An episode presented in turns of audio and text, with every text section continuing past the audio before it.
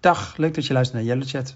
Even een kleine opmerking vooraf. Vanwege de lockdown werken we bij Evolve allemaal vanuit huis, net als onze gast van vandaag, Paul Belen van DSM. De opnames voor de podcast hebben dan ook plaatsgevonden via Microsoft Teams. Helaas kon dat even niet anders uh, en heeft dat wat nadelig effect op de audiokwaliteit. Maar het verhaal van Paul uh, maakt dat allemaal goed volgens ons. Dus veel plezier met deze aflevering van YellowChat. Als, als we een week lang een evenement hebben, dan moet het wel cool zijn. Nou, dus normaal gesproken bereikten we 400 mensen, nu bereikten we 1000 mensen. En toen bleek eigenlijk dat mensen die wat meer introvert zijn, die varen best wel lekker op dit thuiswerken. Ik heb het idee dat ik hem extreem goed ken, maar ik heb hem gewoon letterlijk nog nooit fysiek gezien. Dat komt dus ook digitaal. Goedendag, welkom bij een nieuwe aflevering van Yellow Chat, de podcast van Evolve. Mijn naam is Bram Koster en via het computerscherm kijk ik in de ogen van Peter Haan, mijn collega. Dag Peter. Dag Bram. Wat, uh, wat fijn dat we elkaar toch uh, op deze manier alsnog even kunnen zien. Hoewel het natuurlijk wel jammer is dat we niet fysiek bij elkaar zijn. Ja, ja. ja. daar hebben meer mensen last van uh, deze dagen. En daar gaan we het ook in deze podcast nog over hebben. Wat alle nadelen zijn, maar wat ook weer de bijkomende voordelen zijn. En dat doen wij met uh, Paul Belen van DSM. Goedemorgen. Goedemorgen. Jij uh, komt vanuit je eigen huis, want ook voor jullie is thuiswerken de, het nieuwe normaal, hè? Absoluut. Ik zit, uh, ik zit al bijna een jaar thuis. DSM was vrij vroeg in het volgen van de, van de adviezen. Dus ik, ehm, ik kan me herinneren dat op 2 maart vorig jaar, dat was mijn verjaardag, daarom weet ik het nog zo goed, ging ik naar kantoor om te tracteren. Maar voordat ik kon tracteren uh, werd ik alweer naar huis gestuurd. En sindsdien zit ik thuis. Oh, maar Paul, dat was al twee weken voor de echte lockdown, of niet? Ja, zeker. Dat was twee weken voor de echte lockdown. Ja, en toen heeft DSM al gezegd van als je niet op kantoor hoeft te zijn, of althans als je thuis kunt werken, dan, uh, dan raden we dat sterk aan. Dus dat is, uh, is toen, toen in gang gezet. Toen ben ik thuis, thuis gaan werken. Ik ben nog, nog één keer in Delft geweest en één keer in Heerlen. En voor de rest al een jaar thuis. Ja. En, en ben toch even benieuwd. Uh, want we kregen natuurlijk allemaal signalen dat, dat iets aan de hand was. Maar de, de, de, de echte impact kwam voor mij ook pas zeg maar, wat later. Wat was dan de reden dat DSM al zo vroeg uh, hierop inspeelde? Hadden zij andere signalen of waarom was dat? Nou, de, DSM neemt, neemt veiligheid heel serieus. Um, wij hebben een, dat noemen we SHE, uh, onze Safety, Health and Environment aanpak. Die, die wordt echt heel serieus doorgevoerd binnen DSM. Hè. Dus we hebben Um, en dat, is altijd heel interessant. Als mensen nieuw bij DSM komen werken, dan, dan vallen twee dingen op. Uh, wij mogen bijvoorbeeld niet bellen in de auto. Ook niet hands-free. Er wordt gewoon gezegd, je belt niet. Als je auto rijdt, dan rij je auto. En als je wil bellen, dan ga maar even op een parkeerplek staan. Als je uh, op de trap loopt, dan is het de bedoeling dat je dus niet met koffie in je hand loopt. Want als je struikelt, dan laat je hete koffie over iemand heen vallen. En ook voor jezelf struikelen is, is uiteraard niet, niet verstandig. Dus we hebben hele strikte regels. Nou, die komen nog vanuit de tijd dat wij natuurlijk, eh, we komen uit de mijnbouw. Dus we, ja, we hebben die, die strenge regels, die zitten helemaal in ons, je zou kunnen zeggen, in ons DNA.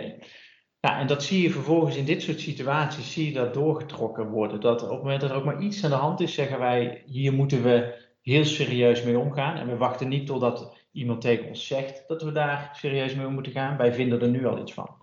Nou, en dat was dus ook met COVID. Je merkte dat er intern, dat werd meteen opgepikt het grappige is, ik heb bij uh, Axel Nobel gewerkt. En toen stond meneer Weijers, die toen nog uh, de CEO was, uh, op de voorkant van het personeelsmagazine, midden op een trap. Terwijl die naar beneden liep, midden op een trap. En daar kwamen de, de, de SHE-medewerkers over klagen. Op de mhm. afdeling communicatie, want hij had de reling vast moeten houden. Dus het is, bij andere bedrijven, ja, in chemie is het natuurlijk veiligheid ja. sowieso heel erg iets. Dat was wel een grappige gewaarwording op dat moment, vond ik. Ja. Um, Paul, misschien kan je even toelichten uh, wat jouw functie is en wat die inhoudt bij DSM. Wat, wat, doe ik nou de hele dag? Ja, goede vraag. Ja. Uh, nou, ik, uh, ik werk nou, inmiddels al tien jaar bij DSM. begonnen als interimmer en, en uiteindelijk op, in vaste dienst gekomen. En dat is, dat is al 1 nou, februari is dat, is dat tien jaar geleden overigens. Um, ik werk momenteel binnen het Innovation Center in de functie van Global Manager Science Communication.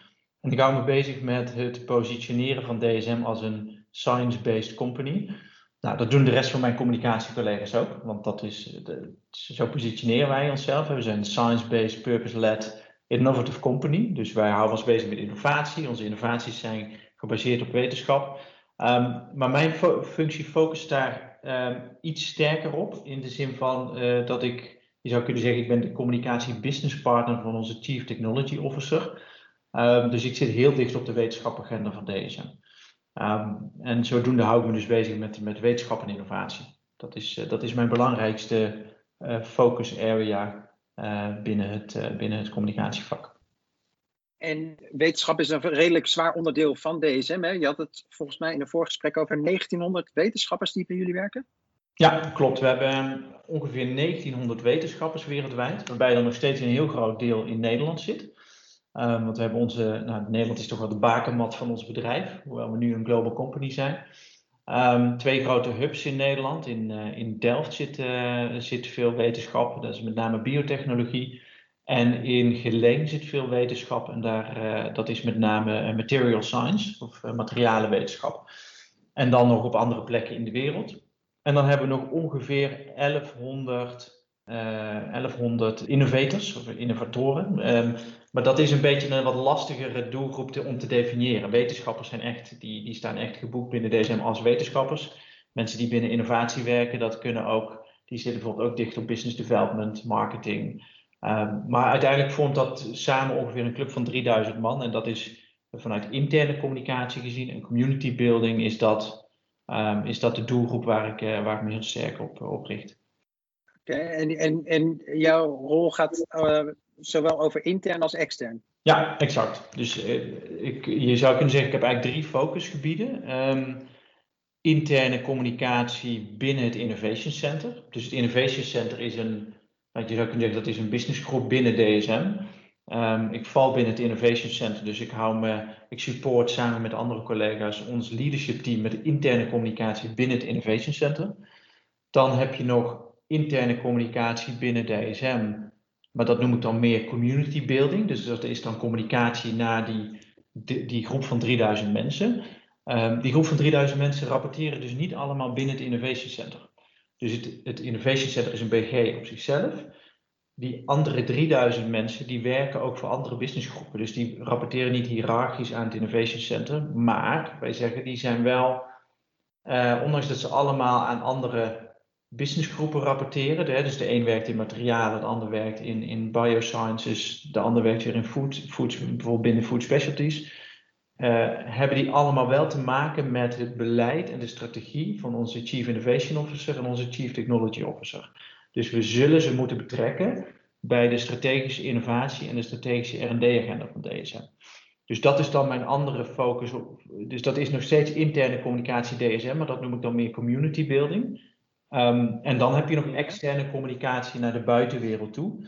En dat gaat dan naar stakeholders zoals ja, bijvoorbeeld uh, mensen in Brussel, de Europese Unie. Daar hou ik ook mee bezig om te zorgen dat uh, policymakers uh, weten wat wij doen op het gebied van biotechnologie. Maar dat wij daar ook lobbyen um, om het belang te duiden van um, technologische vooruitgang om grote wereldproblemen aan te pakken. Zoals malnutrition, resource scarcity enzovoort. En, en um, als je kijkt naar interne communicatie, dan heb je die 3000 man die je moet bedienen. Mm-hmm. Ik kan me voorstellen dat een, dat een deel daarvan niet thuis kan werken. Mensen die in laboratoria werken en dat soort zaken. Ja. Um, uh, waar, loop je, waar ben je het afgelopen jaar tegenaan gelopen als het gaat over gewoon puur die, dat interne deel? Nou, het, het, het interessante is dat de wetenschappers zijn goed bereikbaar uh, via de zeg maar, de, de, de office middelen. Dus die hebben allemaal een laptop, die hebben allemaal e-mail, uh, die werken. Um, uh, mensen die in het lab werken, werken niet alleen nog maar in een lab. Dus die, zitten ook, uh, die hebben ook een kantoorfunctie en soms gaan ze naar het lab om bijvoorbeeld een proef te doen, maar ze zitten ook achter een laptop. De grootste uitdaging binnen DSM is het bereiken van mensen in operations. Dus mensen die bijvoorbeeld in manufacturing werken en die, um, die geen office job hebben. Um, maar die vallen niet onder die groep van 3000 mensen. Dus je zou kunnen zeggen, gelukkig, tussen aanhalingstekens, is dat niet een challenge geweest voor mij specifiek. Um, het bereiken van de wetenschappers ging in die zin eigenlijk op dezelfde manier zoals dat altijd ging. Echter, nu moest ik volledig focussen op digitale middelen. Dus waarbij we in het verleden nog wel eens evenementen organiseerden, um, evenementen organiseerden voor de wetenschappers om elkaar fysiek te ontmoeten, um, moest dat nu allemaal via digitale middelen. En dat ging bijvoorbeeld via webinars of via een heel groot uh, Science and Innovation event wat we georganiseerd hebben.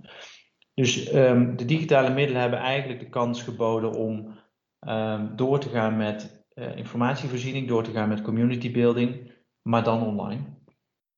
Maar Paul, mag ik daar ook een vraag over stellen? Want uh, we zijn bezig met, met een concept of een model rondom de hybride organisatie. Hè? Dus eigenlijk hoe richt je mhm. nou je organisatie en als een deel op kantoor werkt en een deel thuis of een deel uh, of iedereen thuis. En dat hebben we eigenlijk een beetje ingericht rondom vier communicatiefuncties. Dus uh, het alignment vraagstuk, het, het, het instructie, het beleidsdeel, het, het, het kennisdeling en het samenwerkingsdeel. Maar ook rondom het binden en, en, en, en, en boeiendeel. Ja waar we eigenlijk in alle organisaties waar we zitten tegenaan lopen, is dat het bereiken van mensen eigenlijk niet zozeer het probleem is. Hè? Want we hebben vaak de communicatiemiddelen wel, gelukkig de digitale communicatiemiddelen wel, om mensen te bereiken. Maar dat het vooral zit zeg maar, op het binden en boeien en op het kennisdelingsstuk, dus het betrokkenheidsdeel. Want ik kan me voorstellen dat, dat, dat die wetenschappers, maar nogmaals, het is allemaal invulling, hè, dat is ook een vraag ja, dat, ja, als je, als je, dat die vaak weet je, fysieke evenementen hebben, om elkaar even te zien, elkaar te spreken, elkaar makkelijk kennis te delen. Weet je, dat. Dus, dus enerzijds hoor ik wat je zegt, ik kon ze relatief goed bereiken. Mhm. Anderzijds is het dan toch niet minder of inferieur dan dat het altijd, dan dat je in een normale situatie kon doen, zeg maar. Hoe, hoe zie je dat? Ja, ja dat, is een goede vraag. En, en ik heb het, het geluk dat ik twee keer een groot evenement voor deze community heb mogen organiseren. Um, in 2017 uh, de Science and Innovation Summit. En dat was een fysiek evenement. En eigenlijk nu weer de Science Innovation Summit, maar dan uh, volledig digitaal. Dus ik heb wel mooi vergelijkingsmateriaal. En, en ik zie daar wel degelijk een verschil. En met name in inderdaad het, het connecteren met mensen en, en, en vooral ook het um, uh, ja, toevallige contacten. Ik merk dat dat precies is wat mensen missen. Dus als je kijkt naar de, als ik even terug ga naar 2017, Science Innovation Summit, groot, groot evenement. Uh, van die 3000 mensen mochten 400 mensen fysiek naar Nederland komen. Uh, en hebben we de, de Sugar Factory in, ehm, tussen Haarlem en Amsterdam hebben we afgehuurd. En daar hebben we twee dagen eigenlijk een, wat wij noemden een Science Innovation Festival georganiseerd. Dus we hadden een, een evenement waarbij mensen we hadden bewust zo georganiseerd dat mensen niet alles konden bijwonen, omdat er gewoon simultaan zaken plaatsvonden. Van uh, breakout sessies tot, plenaire sessies, tot, tot, tot uh, tasting sessions. Hè? Want we zitten in deze food specialties, dus we konden ook met tasting sessions werken. En allerlei, allerlei dingen organiseerden we daar in de Sugar Factory. En daar liepen dus 400 man twee dagen lang rond. Nou, en dat was echt fantastisch. En je, je voelde de vibe. Mensen keken er al maanden naar uit. Er was een groot feest op het eind van de, van de eerste avond. Um, er was een leuk diner. Uh, mensen waren aan het, zeggen, aan het mingelen. Dus we liepen door elkaar heen. Uh, vonden het leuk om elkaar weer te zien. Hadden ooit twee jaar geleden aan een project gewerkt samen. En kwamen nu elkaar weer tegen, omdat ze, hè, want je werkt vaak in projectteams. Van, weet je nog, twee jaar geleden. Dus dat was een heel, uh, je voelde de, zeg maar, de beurs. Nou, dat hebben we niet voor elkaar kunnen krijgen in een digitaal evenement. Want een digitaal evenement, ja, je zit achter je laptop. En we hebben wel geprobeerd om um, ja, elementen erin te bouwen. Dus we hebben bijvoorbeeld een digitale pubquiz georganiseerd in dit evenement. Hè. Dus we hebben nu weer zo'n evenement georganiseerd voor diezelfde doelgroep, maar dus volledig digitaal. Nou, dan, je mist A, je mist het feest al. En heel interessant, je hebt dus een, um, je hebt een bepaalde strategische doelstellingen, maar als je dan vervolgens, hè, die, die gelinkt zijn aan de strategische doelen van het bedrijf, maar als je dan vervolgens vraagt aan mensen wat heb je gemist, dan zegt eigenlijk iedereen ik heb de borrel gemist. Iedereen zegt gewoon, dat feest, weet je, dat feest, dat je staat te dansen met elkaar, ja, dat hebben mensen gewoon gemist. En het feit dat je bij zo'n feest, dat je zo'n fotobooth hebt, weet je wel, zo'n zo'n kiosk waar je met z'n allen in zo'n zo hokje kan duiken en attributen op kan doen en dat je hele gave, grappige foto's kan maken. Ja, dat kan natuurlijk online niet. Nou, dat hebben mensen wel gemist. Dus gewoon de, de lol hebben met elkaar. En één iemand zei tot treffend het. ehm, ja, toevallige wijze op iemand weer te, hoe zeg je dat? Toevallige eh, connecties. Dus digitaal ga je, ook met een app kun je natuurlijk één op één contact faciliteren. Maar je gaat het altijd weer een beetje forceren. Je denkt, hé, hey, wat leuk, daar zie ik iemand met, dit, eh, jo- met deze jobprofile. Zal ik eens kijken of die met mij een, digitaal kopje koffie wil drinken? Ja, dat is wat anders dan dat je in de rij staat voor, ehm, voor hè, we hadden bijvoorbeeld bij dat fysiek evenement allerlei food trucks.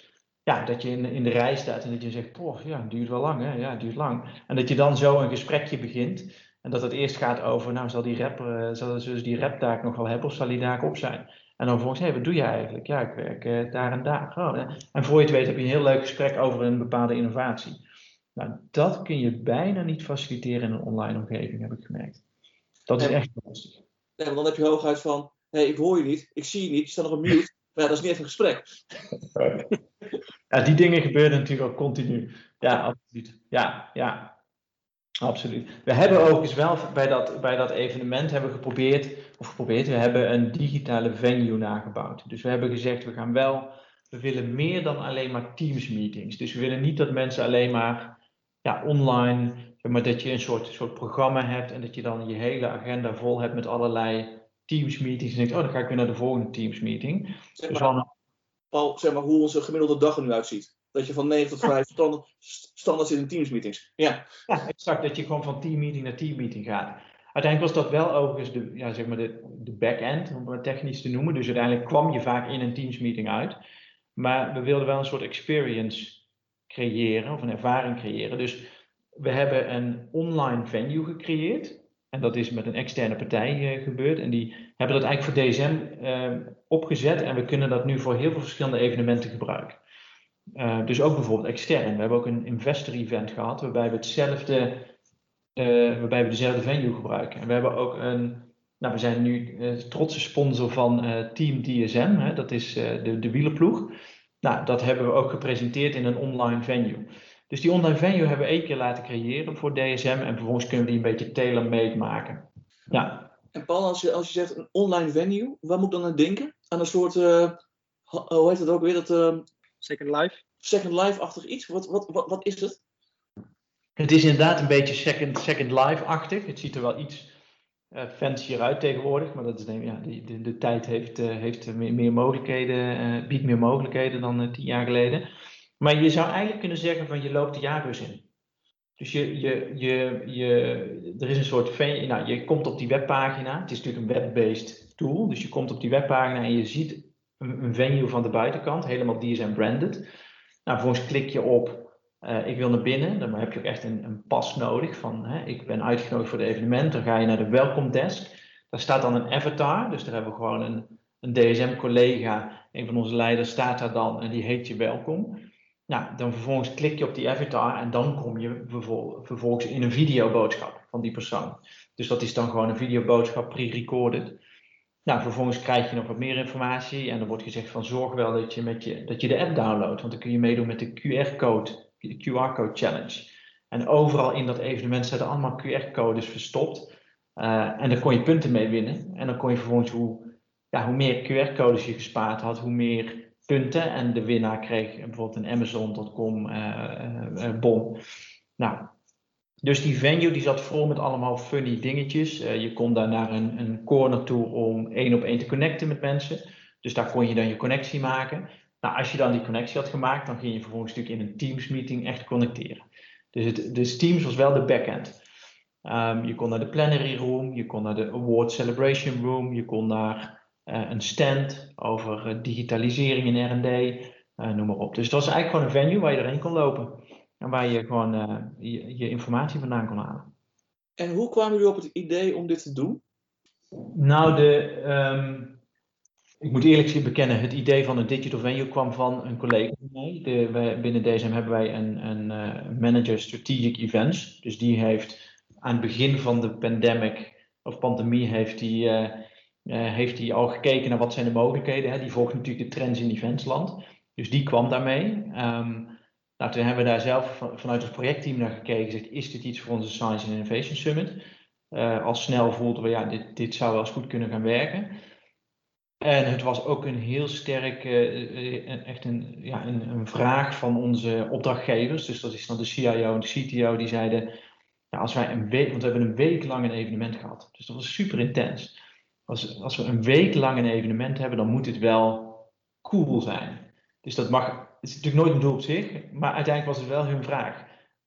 Kun je het alsjeblieft een beetje cool maken? Dat was eigenlijk gewoon hun vraag. Maak het een beetje cool, alsjeblieft, anders wordt het wel heel saai. Nou, en, daar, en zo kwamen we erop van, nou, dan moeten we hier dus iets mee. En, en heeft het daar ook aan, eh, aan voldaan? Was het ook echt een toevoeging? Ja, ja. ja, en dat laten de resultaten ook zien. Het was, ehm, het was zeker een toevoeging voor de beleving. Het was wel een extra hurdle voor mensen om um, last minute aan te, aan te haken. Dus wat je, wat je natuurlijk vaak ziet, is dat mensen dan denken: hé, hey, ik wil die, die ene plenaire sessie wel volgen, of ik wil uh, die externe keynote wil ik zien. Maar ja, lui als we allemaal zijn, willen we dan, als die om 11 uur begint, dan gaan we om 10 uur 59 uh, inloggen. Ja, en dan bleek dat je toch even moest aanmelden en dat je toch even door die digitale venue moest lopen, lopen tussen aanhalingstekens. En dan kreeg je toch mensen die door afhaakt, omdat het net, ja, het is een beetje zoals online, hè? iedere klik is een klik te veel. En die venue levert wel extra kliks op. Ja. En, en dat vonden sommige mensen lastig. Ja. Ook omdat het gecombineerd ging met de app trouwens. Dus we hadden een app en een venue. En in de app kon je um, kon je, je agenda bouwen. En in de venue moest je uiteindelijk aanloggen. En dat, eh, nou, dan kom je ook op communicatie. Hè. Dat is natuurlijk uiteindelijk ook mijn mijn vak. En dat, dat is denk ik ook de grootste learning. Dat ondanks dat het, uh, nou, het is mijn vak, dus je zou kunnen zeggen, nou, de communicatie rondom zo'n evenement zou je dan eigenlijk hè, bijna met twee vingers in de neus moeten doen. En toch hebben we daar denk ik uh, wat steken laten vallen. Dat mensen dachten, ik heb een app en ik heb een venue en waar moet ik nou precies zijn? Nou, dus simplicity is toch wel, wel key. En je, je geeft aan, hè, we, hebben een, uh, jij, hebt zelf een uh, fysiek event en dat digitale event um, georganiseerd. En um, die, die beleving bij dat fysieke event kan je niet uh, waarmaken in een digitale omgeving. Wel, welke andere parallellen of, of, of juist verschillen kun je schetsen? En, en zijn er misschien ook voordelen die je wel juist hebt met digitaal? Um, nou, het voordeel, twee voordelen denk ik. Eh, allereerst, uh, je, we hebben veel meer mensen bereikt. Dus uh, nou, even weer terug, hè. we hebben 3000 mensen in die community die we wilden bereiken, plus ook nog de rest van DSM. Het was uiteindelijk open voor iedereen, dus we hebben gezegd, nou, als je geïnteresseerd bent, sluit aan. Maar in principe hebben we echt de targeted communicatie hebben naar die groep van 3000 gedaan. In het verleden kregen we vanuit die groep vaak eh, te horen. Uh, het is echt wel een, een summit die jullie organiseren. Want bij die fysieke evenementen, hè, ondanks dat jullie zeggen dit is het Science and Innovation Event, ja, zie je toch altijd als je dan vervolgens kijkt wie wordt er uitgenodigd. Hè, want er vlogen mensen vanuit de hele wereld in. En je mocht, hè, we mochten dan maar 400 mensen uitnodigen. Waren natuurlijk altijd mensen op managementniveau en hoger. Dus je, en dan waren er een paar wildcards voor jonge talenten. En, maar uiteindelijk zeiden mensen wel, ja leuk, maar zijn altijd wel dezelfde die naar dit evenement mogen. Nou, dus normaal gesproken bereikten we 400 mensen en nu bereikten we 1000 mensen. Dus van die 3000 mensen hebben we 1000 mensen bereikt. Waardoor je dus een veel bredere groep aan je weet te binden. Dus ik denk dat dat al één voordeel is. Um, een ander voordeel is, alles is opgenomen. Dus het is nog steeds terug te kijken. Uh, toevallig heb ik vorige week nog tegen iemand, hè, iemand vroeg van, hoe zit het nou met die nieuwe strategische update? En ik zeg, nou, weet je wat, hier heb je de link dan kun je nog even naar de, de keynote van onze uh, Chief Innovation Officer luisteren. Want zij legt dit heel duidelijk uit. Dus je kunt nog steeds die content kun je gebruiken. Dus dat is, uh, dat is een voordeel. Dus je hebt content die je kunt gebruiken, je bereikt meer mensen. En um, wat ik interessant vind, ik was eigenlijk van een artikel wat ik, uh, wat ik hierover heb gelezen, is dat er was een onderzoeker, ik denk onderzoeker in, op sociale wetenschappen of psychologie, en die ging eigenlijk kijken naar hoe is dat, wat is nou de impact van die hele coronapandemie op en dat thuiswerken op, op, eh, ja, op mensen, op mensen in office jobs. En toen bleek eigenlijk dat mensen die wat meer introvert zijn, die varen best wel lekker op dit thuiswerken. Want als je in een meeting zit um, met andere mensen in een digitaal format, dan ben je allemaal, je hebt een soort level playing field. Je bent allemaal gelijk. En er is een soort code dat, nou, als je een vraag wil stellen, in plaats van dat je er doorheen schreeuwt, eh, klik je op dat je raise your hand button zit natuurlijk in Teams en dan klik je erop en dan, dan zegt de moderator, hey, ik zie dat je een vraag hebt gesteld. Dus de, de mogelijkheid om vragen te stellen is vaak voor wat meer introverte mensen uh, veel prettiger. Nou, en met dat fysieke evenement zat je soms dus met 400 mensen naar een plenaire sessie te kijken. Zit je met een audience van 400 mensen en dan zei de moderator, heeft er nog iemand een vraag? En dan zag je 400 mensen gewoon maar stil. Weet je, niemand durfde een vraag te stellen. Was er altijd één iemand die werd dan zei, die dacht, oh, dit kan eigenlijk niet. En die stelde dan een vraag. Als je nu in die, tijdens een plenaire keynote vraagt aan het digitale publiek, heeft er nog iemand een vraag? Dan krijg je een stortvloed van vragen over je heen. Wat heel positief is, want dat betekent dat we veel meer interactie konden hebben.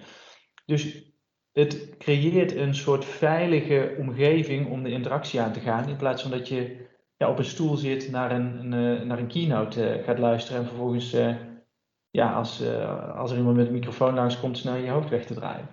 Dus ik, ik, dat vond ik heel mooi. Het was veel, veel, veel interactiever. Maar dat moet je dan wel um, organiseren, want dan moet je dus iemand hebben die, die al die, die stortvloed aan vragen doorneemt en een, een beetje kanaliseert, neem ik aan. Ja, ja en, en we hebben in die zin hebben we gekozen voor een. Um, uh, we hebben gekozen voor een, een setup waarbij we wel een fysieke studio hadden. Dus we hebben gezegd, iedereen belt digitaal in. Nou, onze CIO zat overigens in Amerika. Die kon ik niet terug vanwege de uh, corona. Onze uh, CTO zat in Duitsland, waar die woont. Dus iedereen belde ook vanuit de hele wereld in. Maar we hadden wel in, op onze site, onze R&D-site in Geleen, hadden we een studio gebouwd. Dus dat was het enige fysieke wat we hadden gedaan. We hadden een studio gebouwd en we hadden een professionele moderator uh, ingehuurd, Gerrit Heikoop. Die werkt al jaren voor, voor DSM, kent ons goed, kent onze R&D-omgeving goed. Dus je zou eigenlijk kunnen zeggen alsof je een soort nieuwsuur-uitzending of een acht uur journaal uitzending maakt. Je hebt een fysieke hub, daar zit de presentator en de rest van de wereld belt in. Nou, en wat hij heel goed deed, was die vragen adresseren die uh, binnenkwamen. En soms durfden mensen te unmuten en stelden ze de vraag. En soms stelden ze de vraag gewoon in geschreven vorm. En hij zat in zijn studio met zijn laptop ook gewoon die geschreven vragen te, te, te bekijken. Um, en ik zat vervolgens achter de schermen bij de techniek ook mee te lezen. En ik was bijvoorbeeld sommige vragen naar hem aan het pushen. Van deze moet je echt even, even, even adresseren, want dit is een hele belangrijke. Nou, mensen konden ook uh, anoniem vragen stellen. Je kunt in Teams, je kunt of anoniem of je kunt uh, gewoon zeggen wie je bent. Bij DSM merkte ik wel dat mensen het heel prettig vinden om anoniem vragen te stellen. Hebben we nog wel eens over gehad intern. Moeten we dat, je kunt geloof ik die functie uitzetten. Um, er zijn bedrijven die dat doen, die zeggen als je een vraag stelt willen we weten wie je bent. Wij merkten dat door die functie aan te laten staan, ja, dat gewoon veel meer mensen durfden, kritische vragen durfden te stellen. Um, die vragen werden, zijn, waren voor iedereen zichtbaar. Dus ook kritische vragen over onze investeringen in RD, ons commitment aan RD in Nederland, uh, werden allemaal publiek gesteld. En, uh, en werden allemaal geadresseerd. Dus uh, het was heel interactief. Paul, en over dat laatste, hè, dat vind ik wel interessant dat je dat zegt. Want ik, ik ken de, de, de methodiek en de aanpasvorm. En ik heb het ook bij een aantal organisaties gedaan. Waarbij dus de juiste keuze was om het juist wel, uh, of niet anoniem te doen, om het zo maar te zeggen, omdat je wil weten wie het is. Ja. Maar ook omdat er een gedachte achter zat van, ja, hoe, zeg ik dat, hoe zeg ik dat netjes? Het is makkelijk om anoniem te bashen, kritiek te hebben. En dat was eigenlijk uh, prima, maar dan moet je het ook met, met open vizier doen, zeg maar. Mm -hmm. uh, want het vraagt nogal wat, wat dat betreft, van leiderschap. Want die moeten daar dus ook, ook open voor staan of bij om kunnen gaan of dat soort dingen allemaal. Hoe, hoe hebben jullie dat aangepakt of geadresseerd aan de voorkant? Heb je daar het leiderschap bewust van gemaakt? Of zei je van, laat maar komen, maakt niet uit? En uh, dus als vraag 1. En vraag 2 is, heeft dat anonimiteit ook in de hand gewerkt? Dat er soms ook kritische vragen werden gesteld die niet alleen, kritisch, niet alleen constructief kritisch waren, maar ook gewoon echt bashing waren? Of viel het gewoon mee? Want het zegt namelijk ook iets over de cultuur, denk ik. Dus eigenlijk twee vragen, sorry. Ja, nee, dat is uh, helemaal prima. Ja, um, hebben men, even vraag 1, hebben mensen erop voorbereid? Nee, eerlijk gezegd niet. Nee, niet, niet bewust. Nee. Um, misschien ook wel omdat we al heel lang een cultuur binnen DSM hebben dat we zo werken. Dus we hebben, kijk, dit was het grote Science Innovation Event, maar we hebben ook binnen DSM Innovation Center hebben we ook de Global Get-Togethers. Nou, dat zijn gewoon kwartaalmeetings, of we doen het inmiddels om het, iedere twee maanden. Ehm, waar mensen op dezelfde manier via een Teams meeting vragen kunnen stellen. Nou, en uh, onze co-CEO's uh, uh, hebben ook zo'n soort meeting waarbij je gewoon in kan bellen en vragen kan stellen. We hebben DSM TV. Dat is Edith Schippers, onze president DSM Nederland. Die heeft iedere week DSM TV voor alle medewerkers in Nederland. Kun je op dezelfde manier vragen stellen. Dus we zijn, het, we zijn inmiddels gewend dat we gewoon op die, op die interactieve manier digitaal samenwerken. Um, andere punt, als je dan hebt over cultuur. Ja, het is toch niet helemaal de DSM-cultuur om inderdaad te gaan bashen. Uh, dat zie je weinig terug. Het is een beetje als social media. Het wordt ook wel weer gecorrigeerd of zo. Uh, wat we bijvoorbeeld, nou, misschien is dat wel, misschien dat het, daar, dat het daarom goed werkt. Wat we wel altijd doen is, we zeggen, je kunt vragen stellen, maar je kunt de vragen die anderen stellen ook liken. En we zullen vooral kijken naar de vragen die veel likes krijgen. Want we hebben, kunnen soms in de tijd niet alles beantwoorden. Dus de vragen die de meeste likes krijgen, die worden wel als eerste geadresseerd. Want dat zijn dus belangrijke vragen voor de, voor de groep. Uh, dus help ons, help ons modereren. Zo, dat zeggen we altijd aan het begin van de sessie. Nou, dat zie je dus ook dat mensen dat heel actief doen. Dan krijg je hele kritische vragen, maar wel constructief. Maar hele kritische vragen echt over ons commitment in R&D. Omdat we ook wat reorganisaties hebben gehad bijvoorbeeld hè, in R&D. Dus we zeggen we zijn een science-based company. Maar we hebben ook reorganisaties in het R&D-veld gehad. hoe zit dat nou precies? Kritische vragen krijgen dan bijvoorbeeld eh, heel veel likes, staan meteen bovenaan. Worden heel netjes beantwoord door onze CIO en CTO. Als er dan een beetje een vinnige vraag tussen zit, een beetje een nasty vraag of een, een bashing, wat jij zegt. Wat ik dan interessant vind, is dat hij gewoon bijna geen likes krijgt. Dus alsof de rest van de, de populatie zegt, ja, je kunt die vraag stellen, maar ik ga hem niet liken, want ik vind dit, dit, zo doen we dit niet. En dan kunnen wij dus ook met goed fatsoen die vraag wat onderaan laten staan. Omdat we denken, nou, er, zijn er genoeg vragen met veel likes en de, ja, de tijd is soms ook je vriend, hè, want een tijdje is de sessie gewoon voorbij. Dus ja, het, het, het filtert zichzelf wel op een hele natuurlijke manier uit. Ja. Je noemt nu eigenlijk best een belangrijk voordeel hè, van, de, van die digitale events, een groter bereik en uh, meer interactie uh, door de lagere drempel, of in ieder geval zo ervaren mensen dat. Heb, heb je, eh, ik bedoel, het, event is nog niet zo lang geleden volgens mij afgelopen, maar je bent vast al wel een beetje half aan het nadenken uh, over, oké, hoe ziet het de volgende keer uit? ook twee vragen. Ga je ervan uit dat als de corona de wereld voldoende heeft verlaten, dat je dan wel weer een fysiek event gaat doen. En zo ja, ga je dan proberen digitale elementen eraan toe te voegen. Of in ieder geval de voordelen die je had met een digitaal event te proberen te bereiken in, in een fysiek event. Ja, dat is een goede, goede vraag en, en die, die had ik al verwacht. Dus daar zat ik vanochtend nog eens over na te denken. En toen dacht ik, ja, ik vind, ik, vind toch ergens wel lastig. Uh, want je, je voelt de behoefte van de organisatie om, zo snel, om, om elkaar ook weer te zien. En bijvoorbeeld een onderdeel van, van dit evenement waren de Bright Science, Bright Science Innovation Awards. Nou, die, dat is een hele happening binnen DSM al voor meer dan tien jaar. Uh, vaak komen dan uh, teams die het tot de finale hebben ge gehaald. Die komen met allerlei attributen op het podium. En er is, dit is één grote show. Nou, ik voel de, dat mensen de behoefte hebben van breng dat alsjeblieft weer terug. Nou, dat is dus fysiek. Um, en toen dacht ik ook van hoe kun je nou voorkomen dat je dan ook weer in de, zeg maar, de valkuilen van de fysieke evenement stapt en wel de voordelen van digitaal erbij, uh, erbij houdt. Nou, een van de dingen die je natuurlijk zou kunnen doen is zorgen dat je nou, wel met een soort tv-crew aanwezig bent om te zorgen van ja, wat je fysiek doet, dat je dat ook direct livestreamt. Ik denk dat dat een, hè, dan maak je een soort hybride evenement. Ik denk dat dat, dat, dat een vorm is die heel goed uh, kan werken. Ja, ik merk ook wel aan de organisatie dat mensen graag elkaar weer zien. Maar daarmee zorg, je dus ook weer dat je dus een select groepje gaat uitnodigen. Daarmee zorg je ook weer dat je veel travel hebt. Daarmee zorg je, nou, met travel heb je ook weer CO2-uitstoot. Uh, daarmee heb je ook weer kosten. Ja, het is een hele goede vraag. En ik, ik, ik denk dat we daar ook intern eens misschien ook wel eens apart over moeten gaan brainstormen. Van hé, hey, wat, wat kunnen we nou die beide werelden goed aan, bij elkaar brengen? Oké. Als je nu kijkt naar die, die, dat digitale event wat je hebt georganiseerd uh, en je ervaringen die je ermee hebt opgedaan, heb je dan het gevoel dat digitale events voor alle doeleinden die je kunt hebben vanuit een organisatie kunt inzetten. Ja, ik, ik, ik, ik, ja, ik denk dat we als mens, we zijn sociale wezens en, en je wilt toch bij elkaar komen, ooit weer. Hè? En, uh, en, dat zie je, en ik zie toch bij fysieke evenementen wel voordelen die ik, waarvan ik denk dat we die niet hebben kunnen bereiken met het, met het online event. Kijk, onze doelen waren community building, um, het informeren over de nieuwe strategische richting en een platform bieden voor het maken van waardevolle connecties.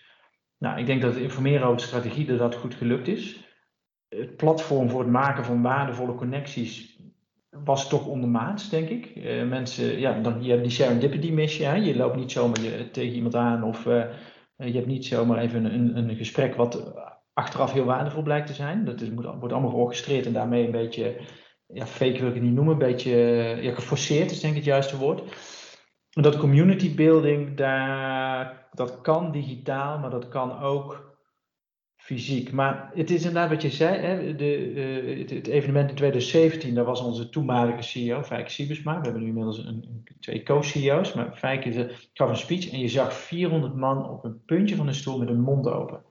Ja, en dat geeft een kick. Ja. Dat, dat, ik kan me herinneren, ja, als organisator natuurlijk, ja, dus dan stond ik te kijken en denk, wauw, wie kijken, iedereen vindt het zo gaaf, iedereen is geïnspireerd. Maar je zag hem ook op podium beter presteren daardoor. En weer, want ja, hij ziet natuurlijk de feedback van die zaal. Nou, dat heb je met fysieke evenementen niet. En uh, nou, die pubquiz, die hebben we in 2017 fysiek gedaan en nu digitaal. Ja, die pubquiz was ook fysiek veel gaver. Kijk, veel, je had groepjes die stonden bij elkaar. Uh, er werd geschreeuwd, gejuicht, gelachen. Het was, een grote bende eigenlijk. Maar op een, positieve manier. Super gaaf. Nou, toen had er een team gewonnen. Die stonden te springen. Die mochten op het podium. En nou, het eh, was allemaal echt fantastisch. En nu doe je dat digitaal. En dat, ja, dat bereik je niet. Dus eh, nee, het is, ik geloof wel in hybride evenementen. Ik hoop dat dat misschien dat, dat de toekomst wordt. Dat je best of both worlds kunt, kunt pakken. Maar fysiek blijft toch ook wel heel belangrijk. Oké. En ehm, je zegt net, hè, je, eh, je, uh, je, werkt al een jaar thuis. De, dan, dan moet je zo'n event ook vanuit huis voorbereiden. Ja. Dat is aan zich, op zich ook alweer een, een ding, lijkt me. Ja, dat is heel bijzonder. Want ik, uh, we, hadden, we hadden een projectgroep van 13 mensen.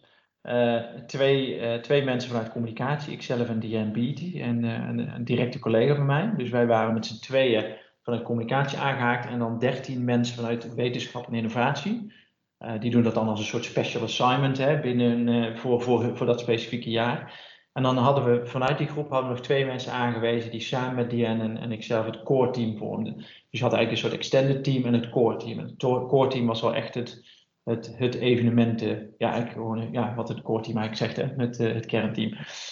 Het interessante was dat er één iemand in het core team zit met, waarmee ik dus een, een jaar lang super intensief heb gewerkt. Maar die heb ik nog nooit ontmoet. Tot op de dag van vandaag nog nooit gezien. Hij werkt in Zwitserland. Uh, is een Nederlander, maar werkt, uh, werkt voor onze uh, businessgroep in, in Zwitserland. Ik heb het idee dat ik hem extreem goed ken. Maar ik heb hem nog nooit, ik heb hem gewoon letterlijk nog nooit fysiek gezien. En um, het interessante is dat, dat, en dan zie je weer het, het verschil in personen. Mijn collega Diane vindt dat lastiger. Uh, die zegt, god, ik, dat is toch raar. En uh, ik, ik heb zo'n behoefte om gewoon eens een keer met het core team bij elkaar te zitten. En een ander team, een andere persoon uit het core team zei hetzelfde. Ja, normaal gesproken ga je als kernteam ga je toch ook met elkaar een borrel drinken en even uit eten.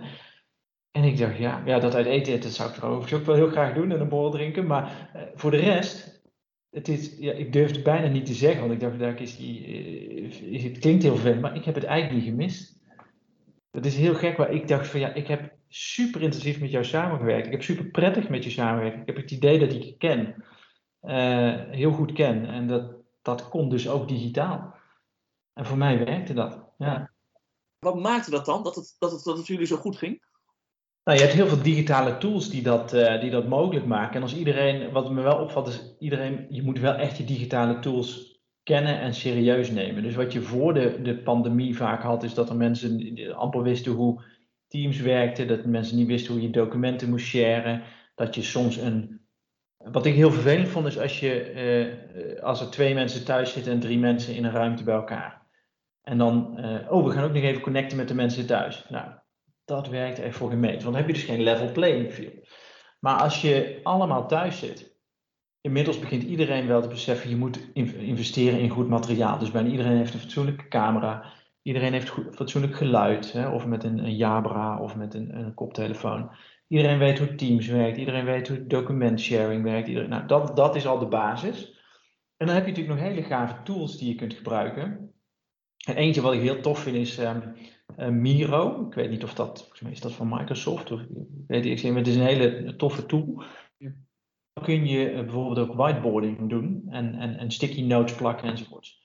Dus dan kun je gaan brainstormen online. Eigenlijk als een, als een uh, vervanger van wat je vroeger deed. Dat je dus met elkaar samen ging zitten en van die grote lappen weet je, van die grote vellen. En dan dat je met je sticky notes en zo. En die sticky notes vallen er allemaal af. En, uh, ja, en wat ik er altijd van vond, ik vond het altijd wel heel gezellig. Want dan was je met z'n allen bij elkaar en dan had je een leuke dag. En vaak waren dat dagen dat je ook nog een lekkere lunch had. En, uh, en, dus dat was allemaal heel fantastisch.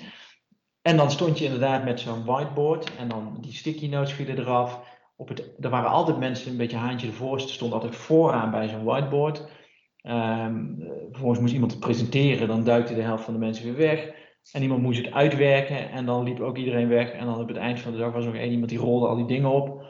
En dan drie weken later kreeg ze een appje van: hé, hey, zijn die dingen eigenlijk nog uitgewerkt? Nou, dus ik chargeer een beetje, weet je wel. Ik bedoel, nee, helemaal... kan, kan, het wel werken, maar ik heb het idee, ik zie jullie uh, ook een beetje knikken. Volgens mij is het wel wat mensen herkennen. Nou, vervolgens ga je dat digitaal doen niemand staat vooraan bij het whiteboard, want we zitten allemaal in een digitale omgeving. Je kunt allemaal met sticky notes werken tegelijkertijd. Je hebt het ook niet met dat je het ook niet kan lezen. Als ik nog wel zit je dan, staat er nou eigenlijk? Die sticky notes die plak je dan allemaal op. Iedereen kan er direct op reageren. En letterlijk op het eind van de meeting, met een druk op de knop, heb je een PDF. En die PDF die wordt rondgestuurd. Weer of rondgestuurd. Die gaat in je, in je Teams-omgeving op de shared drive, weet je wel. Meteen. Ja, en ik dacht, en de dag erna kon ik al meteen weer eruit putten en doorwerken. Dus ik zag een enorm voordeel daar. Dus ja, voor mij werkt het. Maar ja, er zijn ook mensen die zeggen van ik wil zo graag weer in een ruimte met sticky notes. Ja, want, want ik begrijp wat je zegt. En ik zie ook vooral de praktische kant zie ik ervan. Hè? Weet je? Want, want we herkennen inderdaad, denk ik, allemaal, daar, daarom moest de Bram en ik ook een beetje lachen inderdaad. Hè? Weet je, wat je beschrijft is heel treffend. Hoe dat gaat in een, in een, in een ruimte. En ook als ik kijk bij ons op Evolve, hoeveel, daar, hoeveel opgerolde A0 of van die, van, van, van die scherding met, met, met, met plakketjes die we dan vastgeplakt hebben met plakband. Omdat anders die posters eraf vallen, zeg maar. Dus dat is helemaal hoe ik het herken. Maar het vraagt denk ik ook en, dat is, en ik, stel ik stel de vraag gesloten en daarmee ook suggestief, maar zo bedoel ik hem niet, zeg maar. Maar dat je de tooling kent, betekent nog niet dat je op een goede manier kunt samenwerken. Dat vraagt ook andere afspraken en andere, andere skills en andere vaardigheden. Dus over dat je bijvoorbeeld bij, bij spreken mensen aanwijst, of dat je uh, de camera aan hebt staan. Want dat herkennen we ook nog de mensen dan gaan in een gesprek en zeggen: zetten alle mensen de camera uit, alsof ik tegen een zwart scherm aan het praten ben heb hebben jullie daar ook afspraken over gemaakt of in geïnvesteerd over hoe je dan zo'n sessie doet? Want het vraagt ook iets anders dan wat je fysiek bij elkaar zit. Of zeg je dat ging best wel soepel van, vanzelf? Nou, dat, is goed, dat is een hele goede vraag. En die, ehm, dat hebben we eigenlijk niet echt gedaan. In dit team liep het vanzelf. Maar ik zie ook wat teams waarbij mensen soms wat afhaken omdat het bijvoorbeeld te snel gaat. Omdat er een paar mensen zijn die wel digital savvy zijn en de anderen niet ja, dus dat, dat is iets. Um, een ander deel, wat, een ander punt wat ik heel sterk merk is met dat digitale werk, is dat je, kijk, je, on, je, je meetingomgeving is ook meteen je werkplek. Uh, dus het is heel makkelijk om ondertussen je mail bij te werken. En dat merk je dus bijvoorbeeld bij dat hele grote evenement, maar dat merk je ook in, in, um, in teammeetings. Um, uh, bijvoorbeeld in de voorbereiding van dat Science Innovation Event. Als je dan met vier mensen bij elkaar zit, dan zie je dat bijna niet.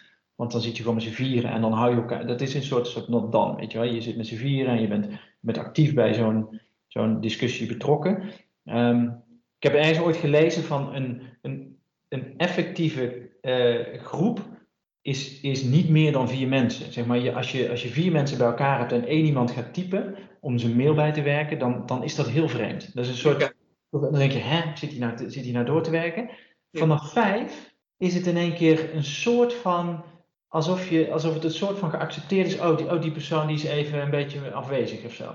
Nou, wij hadden natuurlijk een, werkgroep van 13 mensen. ja, als wij een team, dus we hadden een core team meeting was wekelijks, de groep met 13 mensen was ongeveer één keer in de maand. Ja, dan zag, zat je inderdaad soms te meeten met een groep waarbij je eigenlijk, als je naar de hele groep, naar de, alle videoschermpjes keek, dat ik dacht, oh ja, die zit door te werken, die zit door te werken, die zit iets anders te doen. Die zit... Dus er is een soort magic number waarbij je zegt, ja, met zoveel mensen werkt het wel. En daarna ja, ziet iedereen zijn laptop toch als een, als een, als een, een uh, ja, werkportal of zo. Dan ga je toch maar weer doorwerken. Ja, dus ja. Maar we hebben dat nooit, het is heel goed, heel goed dat je het adresseert, want we hebben het nooit benoemd. En misschien is dat wel de, is, is dat eigenlijk wel heel belangrijk, ja. ja. Ja, kijk, maar wat, wat, wat je verder beschrijft, zeg maar, herken ik heel erg. Je hebt, je hebt eigenlijk drie niveaus. Je hebt, je hebt enerzijds, om, om goed met, met elkaar te kunnen samenwerken, is dan inderdaad, je hebt, je hebt tooling nodig. Nou, dat beschreef je ook. Hè. Ondertussen hebben we het allemaal wel redelijk geregeld. We snappen ondertussen allemaal hoe de, hoe de tooling een beetje werkt. Dus op welke knop je moet drukken. Maar dan zit er inderdaad nog, en vooral vanuit, vanuit, vanuit mensen die teams begeleiden of leadership, zit er nog een niveau boven van hoe dan? En dat, we, en dat we vooral nog in, in die fase zitten van ja, hoe moet nu effectief? Dus daarom vind ik het zo grappig om, en, en, en zo goed om van je te horen dat er bij best wel vanzelfsprekend en goed ging. En ook hoe je dan Miro inzet. Ja, dat, dat is dan toch wel even dat je ook even met elkaar het over eens moet zijn van wie doet wat, hoe, hoe, hoe doen we het wanneer. Want het duiken, wat jij beschrijft, is ook veel, veel makkelijker ergens als je met z'n allen in zo'n sessie zit. Absoluut, absoluut. Ja, en daarom heb ik uh, op een gegeven moment uh, besloten om altijd mijn camera aan te houden. Want dat zorgt er ook voor dat ik zelf scherp blijf. Ja. Uh, want ik heb één keer gewerkt met de camera aan en toen zei ook, typte een collega ook van Paul, ik zie dat je aan het doorwerken bent. Dat, is, dat is interessant. En, dan, dus, die, en die zei, dan, dan kun je beter je camera uitzetten. Dus ja, dat is, dat is een mooie. Eigenlijk moet je hem omdraaien. Het is, je, je betrapt me nu en dat is terecht. En dat betekent dat ik gewoon uh, bij de les moet blijven. En um, een andere, ik had vorige week een andere um, uh, sessie met onze Chief Technology Officer. Hè, dat, dat is, ik ben zijn communicatie business partner, dus ik heb veel met hem te maken. En we zaten in een andere sessie uh, met, met drie mensen. En het ging toevallig over een topic waar, ik al, daar had ik al zoveel over gehoord. En ik, ik was al helemaal bij, dus ik dacht, nou ik zit hierbij, maar eigenlijk is het niet nodig. Dus ik was ondertussen ook al een beetje afgeleid. En toen belde hij mij achteraf. Toen zei hij, hey Paul, gaat het goed met je? Ik, ik zag dat je, ik wil gewoon even een soort check-in doen, want ik zie dat je, dat je met je hoofd ergens anders was. Toen dacht ik, hey, dat is ook wel interessant. Weet je, je wordt dus ook wel bij de les gehouden. En ik waardeerde het heel erg, want hij wilde gewoon even weten van, hè, hoe gaat het met je? En ik zei tegen hem, het gaat goed, maar er zat te veel herhaling in. En omdat ik nu met, hè, door de coronaperiode thuis werk met kinderen, heb, heb ik super focus nodig op, want ik heb minder uur dat ik echt effectief kan zijn. Dus ik was ondertussen met mijn hoofd alweer over andere dingen nadenken. Eh, of met mijn hoofd over andere dingen. Uh, en alweer, ja. Dus toen dacht ik van, hé, die, die online omgeving zorgt er ook voor dat je, ja, je wordt soms ook een beetje betrapt of zo. En dat zorgt ervoor dat je dus beter goede keuzes kan maken. Of ik hoef hier niet bij te zijn, ben er dan ook vooral niet bij. Of ik ben er wel bij, maar ben er dan ook bij. Ja, maar dit is wel ook, denk ik, een cultuurding. Want het feit dat je even gebeld wordt, vanuit alle, alle positieve bedoelingen, zeg maar, mm-hmm. um, dat zegt ook iets over aanspreekbaarheid. En over, en over nou, eigenlijk over leiderschap. We hebben bij even incheckt van, want wat je eigenlijk, eigenlijk zegt volgens mij is dat ik werd gezien. Ja, ja, ja. En vooral ja. missen, of wat wij vooral uit de onderzoeken terug, terugkrijgen, is wat mensen heel erg missen, is van ik word niet gezien. Ik zit hier gewoon op mijn kantoortje of, of aan mijn keukentafel om me helemaal de hele dag te, te bikkelen, zeg maar. Ja, nou leef of sterf. Eigenlijk, niemand heeft enig idee wat, wat, wat, ik, wat ik hier aan toe ben. Ja. En is dat ook niet stiekem, zeg maar, als je het over dat binden- en boeien vraagstuk, en waar we het in het begin net over hadden, over die vier, die vier assen, bij jullie dan zo belangrijk dat blijkbaar, en ik weet niet of dit exemplarisch is voor jullie cultuur, maar in ieder geval blijkbaar in wel, in wel wat nu voor jou hoort, uh, zo'n ding is waar, waarom het voor jullie werkt, of voor het voor jou werkt, ja. omdat je gezien wordt. Ja, absoluut. absoluut. En ik denk, het is inderdaad de DSM-cultuur. Um, dat is echt onze leiderschapscultuur. Er is ook heel hard op gestuurd. Nou, het zit een beetje in dat SHE, hè, wat ik aan het begin van deze uitzending zei, van het, onze safety, health en environment. Dus, dus het gaat echt om de gezondheid van mensen en zitten mensen er goed bij, zijn mensen veilig. Dat, is, dat staat boven alles. Dat is niks zo belangrijk als de gezondheid van onze medewerkers. Nou, dat zie je dus, daar wordt vanuit de top heel strak op gestuurd. Daar worden ook ja, de, de nieuwe leiders die van bovenaf, van onder naar boven, zeg maar, de, op leiderschapsposities komen, die, die hebben dat helemaal in hun DNA. Maar ook de mensen die aangenomen worden, uh, ademen dat. Dus ja, we hebben echt een organisatie waarbij dat heel belangrijk is. Een ander goed voorbeeld is, um, gisteren hadden we een hele lange sessie van drie uur. En daar zaten ook senior mensen in, echt op de top van de organisatie. En, en we zouden eigenlijk doorgaan naar een ander topic. We hadden al een uur vergadering, we gingen door naar een ander topic. En toen zei ik, toen zei ik op een gegeven moment, ik wil eigenlijk voordat we doorgaan naar een ander topic, wil ik eigenlijk gewoon even frisse neus halen. En, toen, en toen werd dat heel goed ontvangen. Werd gezegd, Paul, ik ben blij dat je dat zegt. En eigenlijk heb je, heb je een goed punt. Laten we inderdaad even een break van 10 minuten inlassen. Mensen kunnen even stretchen, mensen kunnen even naar de wc, koffie halen of een frisse neus, wat je wil.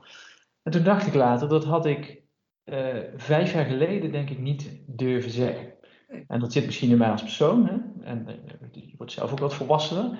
Maar ook in het leiderschap van de organisatie. Ik merk dat ons, ons bedrijf daarin um, ja, softer klinkt een beetje verkeerd, want, want soft vind ik negatief klinken, maar, maar we worden wel menselijker als bedrijf. Ja.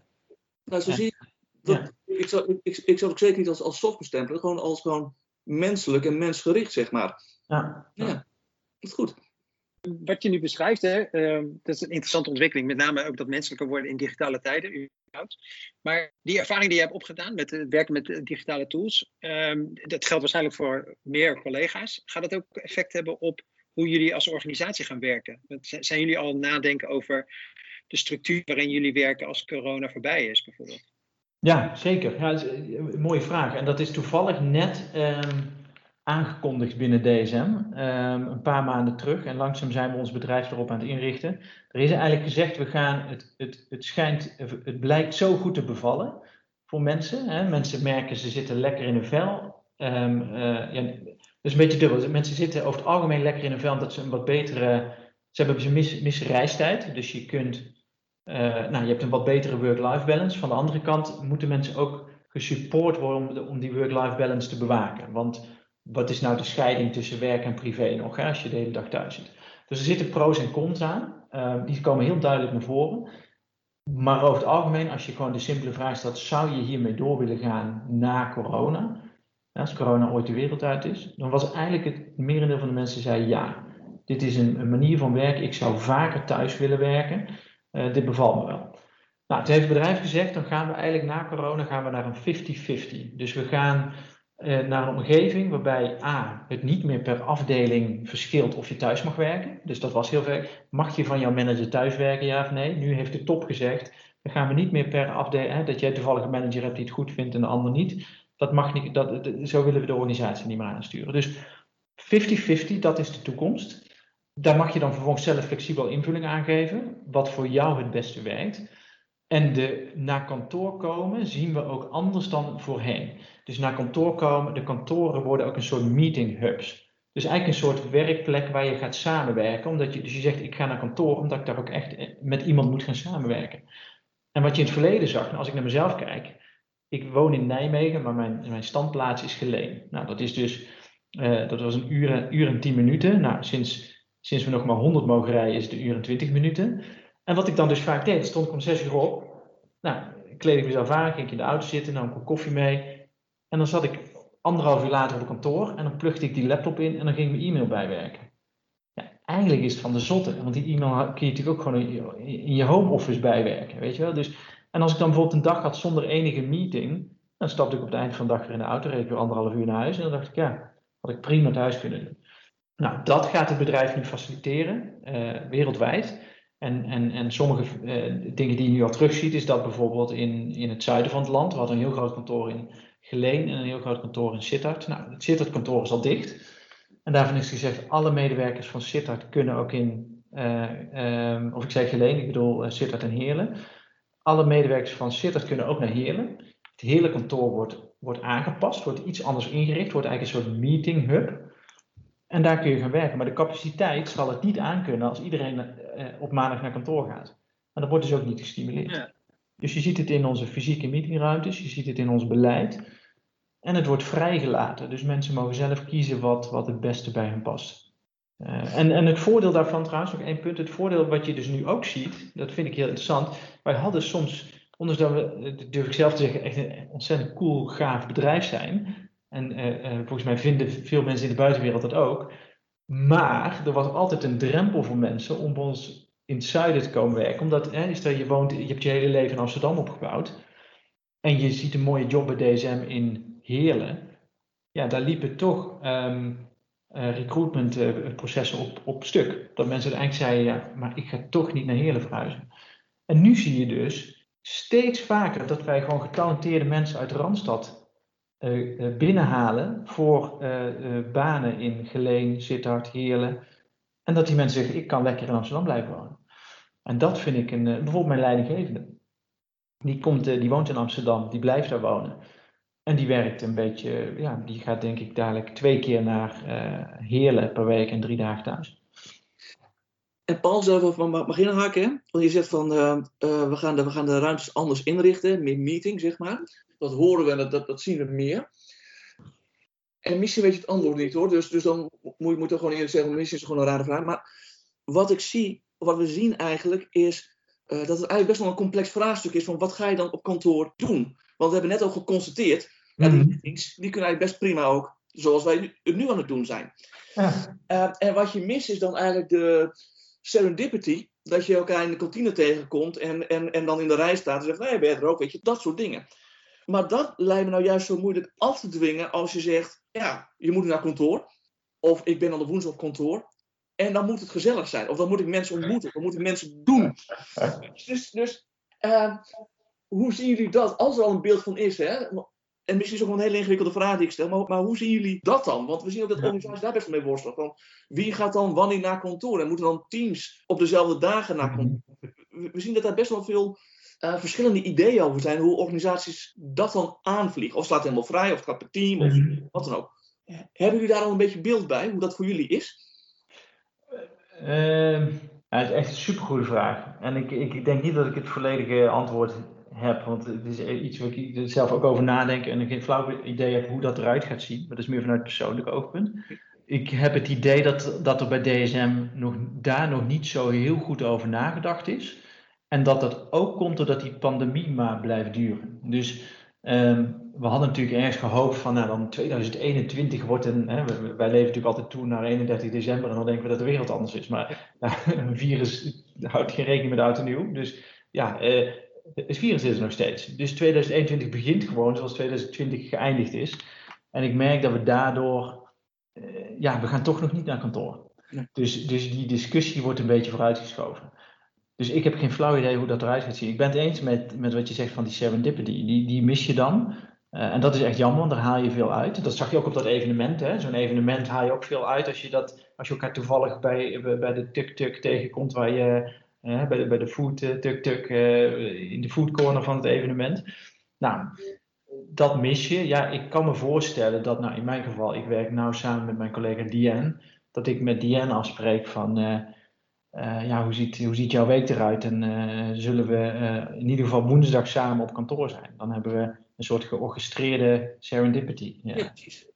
Ik denk inderdaad dat de, dat de medewerker, maar dat is voor mijn eigen beeld, dat de, de medewerker van de toekomst wat ja, misschien zijn of haar week wat beter moet gaan plannen. Dus dat je inderdaad gaat zeggen van, ja, hoe ziet mijn dag er nou eigenlijk uit? Hoe ziet mijn week er nou uit? Um, maandag is, is, is bijvoorbeeld voor focus en zit ik op mijn home office en uh, sluit ik ook wat tools af. Dus dat ik zeg van, ik kijk ook wat minder naar mijn e-mail en dat want ik ga nu dit doen. Dan is dinsdag is voor, uh, voor meetings, woensdag wil ik fysiek bij elkaar zitten. Ik denk dat je iets meer... Um, ja, misschien in blokken moet gaan denken. Maar ja, dat is mijn, uh, mijn, mijn, eigen, eigen invulling. Ik, weet, ik, ik, ik, ik moet je het antwoord verschuldigd blijven. Nee, en ik, en ik vraag het ook bewust, want we zien iedereen een beetje worstelt. En ook wij, hè? Ik bedoel, wij vanuit Evolve hebben hetzelfde. Ik bedoel, wij zijn natuurlijk ook heel erg gewend om niet bij elkaar te zijn. Uh, omdat we altijd bij klanten zitten. We hadden altijd, de vrijdag was dan zeg maar onze, onze bureaudag. Dus dan zaten we met z'n allen op kantoor. Ja, gaan we dat dan straks nog doen? Want ook het commentaar daarvan op die vrijdag was, het was altijd heel gezellig. Maar ja, je krijgt niet echt werk gedaan als je met z'n allen bij ons op zo'n op, zo'n kantoortje zit. En hoe, hoe, hoe, gaan we dat dan doen, zeg maar? Ja. Dus uh, ja, het zijn best wel ingewikkelde vraagstukken. En dan zijn wij nog relatief klein en wij kunnen met z'n allen op kantoor zijn op dezelfde dag. Maar ja, als je 3000 man hebt of, of een, paar, een paar honderd man hebt, dan wordt het al ingewikkelder, zeg maar. Dus het zijn ingewikkelde vraagstukken. Ja. Nou, ik, ik moet persoonlijk, maar dat is dan weer, ook weer persoonlijk, merkte ik dat we hebben een open office concept. in ieder geval op de plek waar ik werk, in Geleen. Ik werk op het Innovation Center. Dus dat is in het, op het Gemmelot terrein in, langs de A2. Hè, dat grote terrein langs de A2. Daar, daar, daar is het Innovation Center en daar, daar werk ik. De, dat is een open office en dat vond ik soms dus lastig. Dat ik dan naar kantoor reed. Nou, wat ik al zei, ik kom uit Nijmegen, dus ik had een hele lange reistijd. Dan zat ik eindelijk op kantoor, dan ging ik even koffie halen en dacht ik, ik moet bijvoorbeeld een speech schrijven. En dan dacht ik, ja, het is ook wel raar als ik, als ik nu in een hokje ga zitten, want dan denk ik, ja, nou had ik net zo goed thuis kunnen blijven. Dus ik denk, nou, dan ga ik maar in dat open office stuk zitten. En dan moest ik een speech schrijven met een deadline van anderhalf uur. En dan stond er iemand weer, hé, hey, hoe was je weekend? En dan dacht ik, ja, dat werkt ook weer niet. Nee, precies. Dus, dus toen dacht ik van misschien is het, zou althans voor mij wel helpen, als we zeggen, ja, je hebt dan toch een beetje een soort georchestreerd, zullen we woensdag naar kantoor gaan? Dan weet ik, die speech moet ik echt dinsdag afronden, want uh, morgen gaat het echt niet lukken. Maar morgen heb ik wel de kans om eens even met mijn collega bij te praten hoe, uh, hoe het met verschillende projecten staat. Dus dan, ja, die combinatie zou voor mij heel goed werken. Maar ja, andere mensen, er zijn ook weer, ik heb mijn vriendin die werkt dus ook thuis nu. Uh, dus hebben een ander kantoor, twee kantoortjes ingericht zij mist echt die, die vibe, die, die buzz, die continue hectiek om, om, om zich heen. Dat heeft zij weer nodig. Ja. Maar eigenlijk zeg je daarmee, als ik het even goed vertaal, en als eigenlijk de vraag of, of ik dat nu goed vertaal, eigenlijk vraagt het nog, nog wat meer zelfredzaamheid en zelfplanning van medewerkers om te kijken hoe organiseer ik dan mijn werk het beste. In plaats van dat je dat misschien als organisatie helemaal afdwingt, mm zo in, ook eigenlijk individueel wordt ja, op basis van individuele voorkeuren ook, mm. best werkt. Ja, dat denk ik ook, ja. Dat denk ik ook, dat je, dat je de, inderdaad op basis van individuele voorkeuren je werk moet kunnen plannen en dat het bedrijf dat moet kunnen faciliteren. Dus het idee van allemaal in de open office, ja, dat werkt niet voor iedereen. Hè. Ik las ook weer eens een rapport van uh, huisartsen, van bedrijfsartsen, die zeiden van, er zijn twee redenen waarom, uh, of twee achterliggende redenen voor het, het, het stijgen van het aantal burn-outs. En dat is één, de informatieoverload. Dus we leven in een soort, iemand had het over informatie, uh, obesitas. Dat, er is altijd, er is zoveel informatie, je kunt het niet bijhouden. En twee, die open offices is voor een, bepaalde groep letterlijk toxic. Nou, en dat zou je natuurlijk als bedrijf uh, moeten omarmen. Dat je zegt van ja, we, we, eerst zaten we allemaal in hokjes, toen gingen we naar open office. Ja, het is niet het een of het andere. Het is je moet toch een beetje naar een tailor-made approach voor, voor medewerkers. En nou, als je dus en je open office hebt, maar je hebt er ook wat kantoortjes bij en je mag ook thuiswerken, ja, ik denk dat je daarmee een soort mix aanbiedt die heel goed zou kunnen werken. Nou, Paul, uh, dankjewel voor je uh, boeiende verhaal. Uh, dat je tijd hebt vrijgemaakt in die drukke dagen waarin je superfocus nodig hebt om je werk gedaan te krijgen. naast alle homeschooling wat je ook nog moet doen dankjewel voor de tijd die je voor ons hebt vrijgemaakt om te delen wat jullie bij DSM doen. Peter? Ja, Paul, want echt onwijs bedankt. Ik vond het echt super inspirerend. En ik denk dat uh, dat voor onze luisteraars het heel erg gaaf is om te horen hoe je dat bij DSM al aangepakt hebben. En ook de, de nuances die je ziet in het, uh, in het halleluja-verhaal van alles digitaal. Dus uh, ja, echt helemaal top. Onwijs bedankt. Nou, leuk. Graag gedaan. Ik, ik vond het zelf ook echt fantastisch om, om in jullie podcast te zijn. Ik ben natuurlijk een groot fan van van jullie podcast. Ik luister ze allemaal en nu, uh, nu zit ik er zelf in. Wat een ontzettende eer. Nou ja, en dan hierbij ook meteen de vraag of je, nog een keer, of je nog een keer terug wilt komen. Want, want we hebben nog allerlei onderwerpen die we volgens mij nog niet uh, aangeraakt hebben, die ook hartstikke interessant zijn. Ik hoorde iets over een videojournaal met Edith Schippers. Ik ben ook benieuwd hoe je dat soort dingen aanpakt en hoe je überhaupt over de hele interne digitale communicatiemix uh, nadenkt. Dus hierbij graag de uitnodiging of we je nog een keer van je werk mogen houden en van je homeschooling. Om nog een keer uh, hier uh, Uiteraard. te Uiteraard, jullie mogen me altijd bellen. En uh, laten we hopen dat tegen die tijd de homeschooling in ieder geval niet meer nodig is. Nou, dankjewel Paul. voor de luisteraars, je hoort het. Ehm, binnenkort komt Paul weer terug in je feed. Maar sowieso hebben we interessante afleveringen gepland staan. Dus hopelijk ook tot de volgende aflevering van Yellow Chat. Hoi!